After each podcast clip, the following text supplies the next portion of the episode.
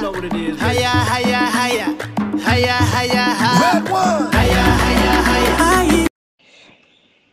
Dari 32 negara yang hadir di tanggal 20 November 2022, kini hanya tersisa 8 negara terbaik yang akan saling beradu untuk memperebutkan 4 tiket menuju babak semifinal.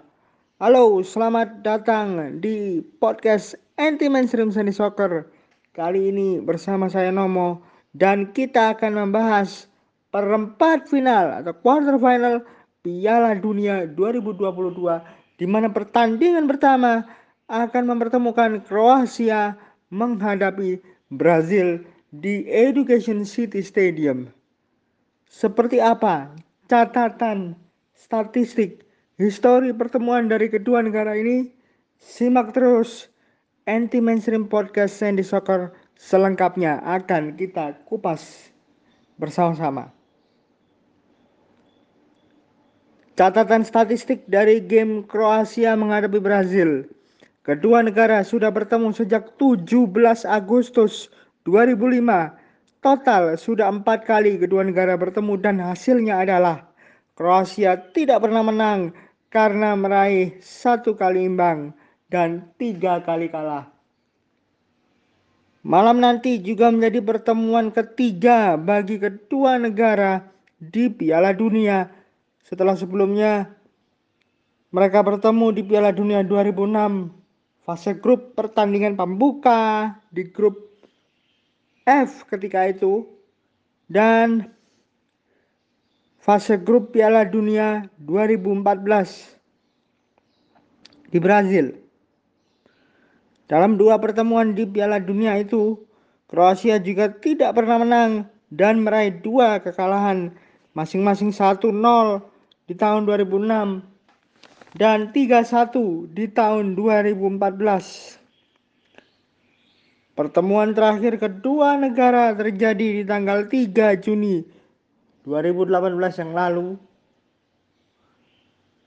di mana Brazil memenangkan game dengan skor 2-0 saat bertemu Kroasia dan protagonistanya ada dua orang yakni Neymar dan Roberto Firmino yang menjadi pencetak gol di laga tersebut. Kalau kita melihat bagaimana perjalanan Kroasia menuju babak delapan besar sangatlah tidak mudah karena di fase 16 besar sebelumnya mereka harus berjuang selama 120 menit ditambah lagi ada babak adu penalti saat menghadapi Samurai Blue. Gol Ivan Perisic yang menyamakan kedudukan di babak kedua setelah sebelumnya Kroasia kebobolan lewat gol Dyson Maeda menyelamatkan mereka sekaligus meneruskan nafas panjangnya hingga babak extra time bahkan hingga adu penalti. Di sinilah cerita tersebut dimulai karena Dominik Livakovic menjadi pahlawan untuk Kroasia. Tapi sebelum kita membahas bagaimana prestasi Dominik Livakovic, kita soroti dulu produktivitas gol Kroasia yang menurut saya juga cukup miris karena hanya mencatatkan 5 gol dari 4 pertandingan yang sudah dijalani. Ini disebabkan karena dua hasil 0-0 yang didapat di fase grup saat bertemu Maroko dan Belgia. Sedangkan 5 gol yang dicatatkan oleh Kroasia adalah satu saat menghadapi Jepang dan empat lainnya tercipta ketika bertemu Kanada. Tapi walaupun begitu, Kroasia mencatatkan hasil yang sangat positif. Terlepas dari kemarin di babak 16 besar, kemenangannya didapat lewat adu penalti. Tapi ini sudah menandakan hasil positif di 10 laga internasional terakhir bagi Kroasia karena mereka meraih 7 kemenangan dan 3 kali hasil imbang di 10 laga tersebut.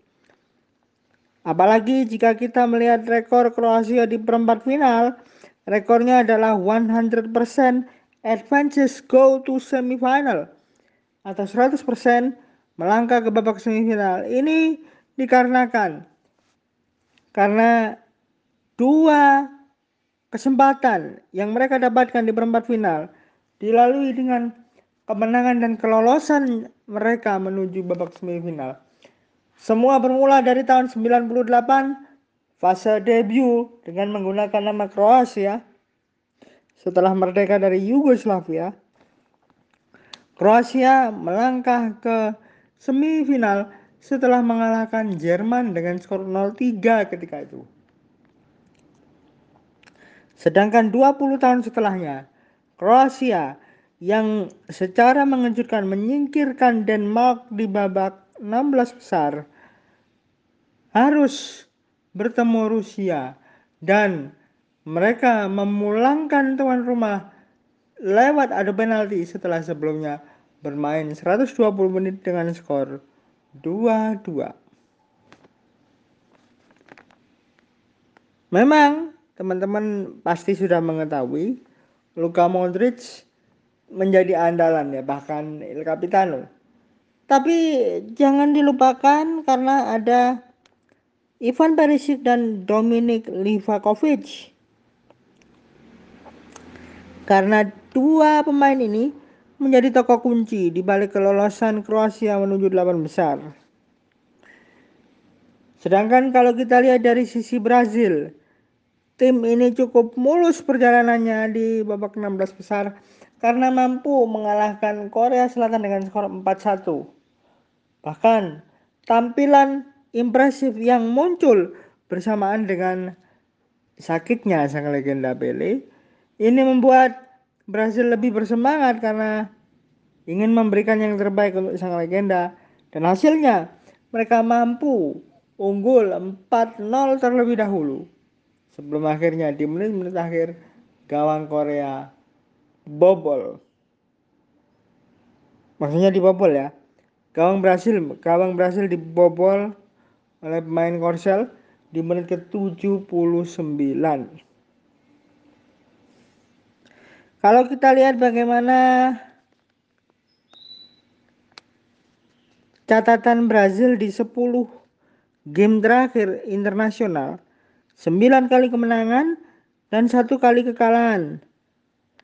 Tapi dari sisi produktivitas kenyataannya di awal-awal turnamen, terutama di fase grup, Brazil sempat mengalami produktivitas gol yang menurun terbukti dengan hanya menang dua gol menghadapi Serbia. Ini sudah menjadi pertanyaan besar mengingat di babak kualifikasi dan uji coba internasional before World Cup game Brasil selalu tampil impresif. Catatan mereka di babak quarter final 14 kesempatan 9 kali lolos otomatis dan lima kali gagal lolos. Ada yang unik di balik kelolosan Brazil. Semua catatan kelolosan Brazil dari perempat final menuju ke semifinal dilalui dengan cara waktu normal 90 menit.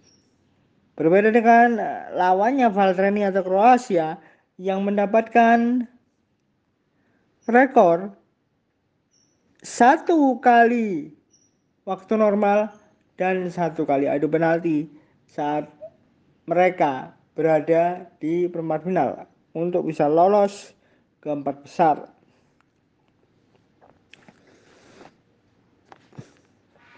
Dalam 13 pertandingan Kroasia menghadapi negara-negara Amerika Latin, rekornya cukup buruk karena meraih dua kemenangan, empat kali hasil imbang dan kalah tujuh kali.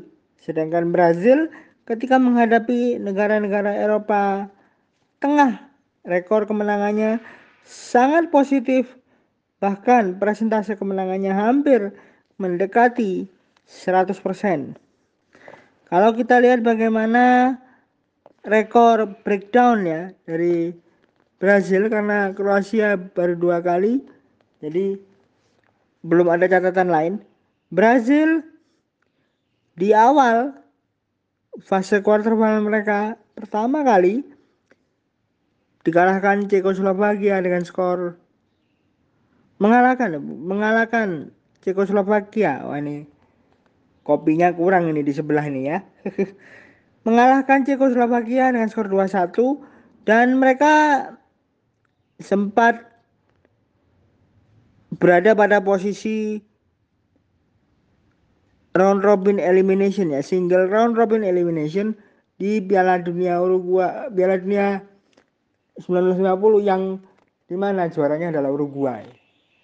Tapi selebihnya, selebihnya Brazil punya presentasi kelolosan sangat besar. Yang disayangkan adalah dalam beberapa kesempatan terakhir, tepatnya di 2018, 14, 2010 dan 2006, Brazil cukup susah kalau harus berada di quarter final.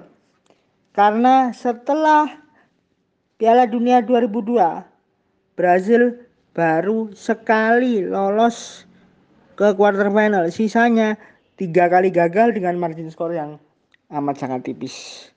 Apakah nanti mereka mampu menghadirkan kembali tren positif yang pernah mereka dapatkan? Karena sebelum kegagalan itu, Brazil selalu lolos ke perempat final tiga edisi beruntun 1994, 1998 dan 2002. Itu catatan Sandy Soccer Podcast untuk game Kroasia Brazil. Sampai ketemu di game berikutnya. Tetap stay tune di Sandy Soccer Anti Mainstream Podcast. Terima kasih. Salor. Wassalam. Ciao.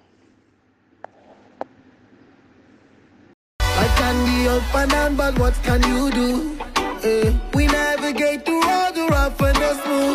Yeah, got that rock and roll, that rhythm and blues, yeah, yeah. I'm never blue if I am rocking with you. I promise, I promise, I promise you now. Everything, everything gonna work out. Baby, tomorrow, no matter what goes down.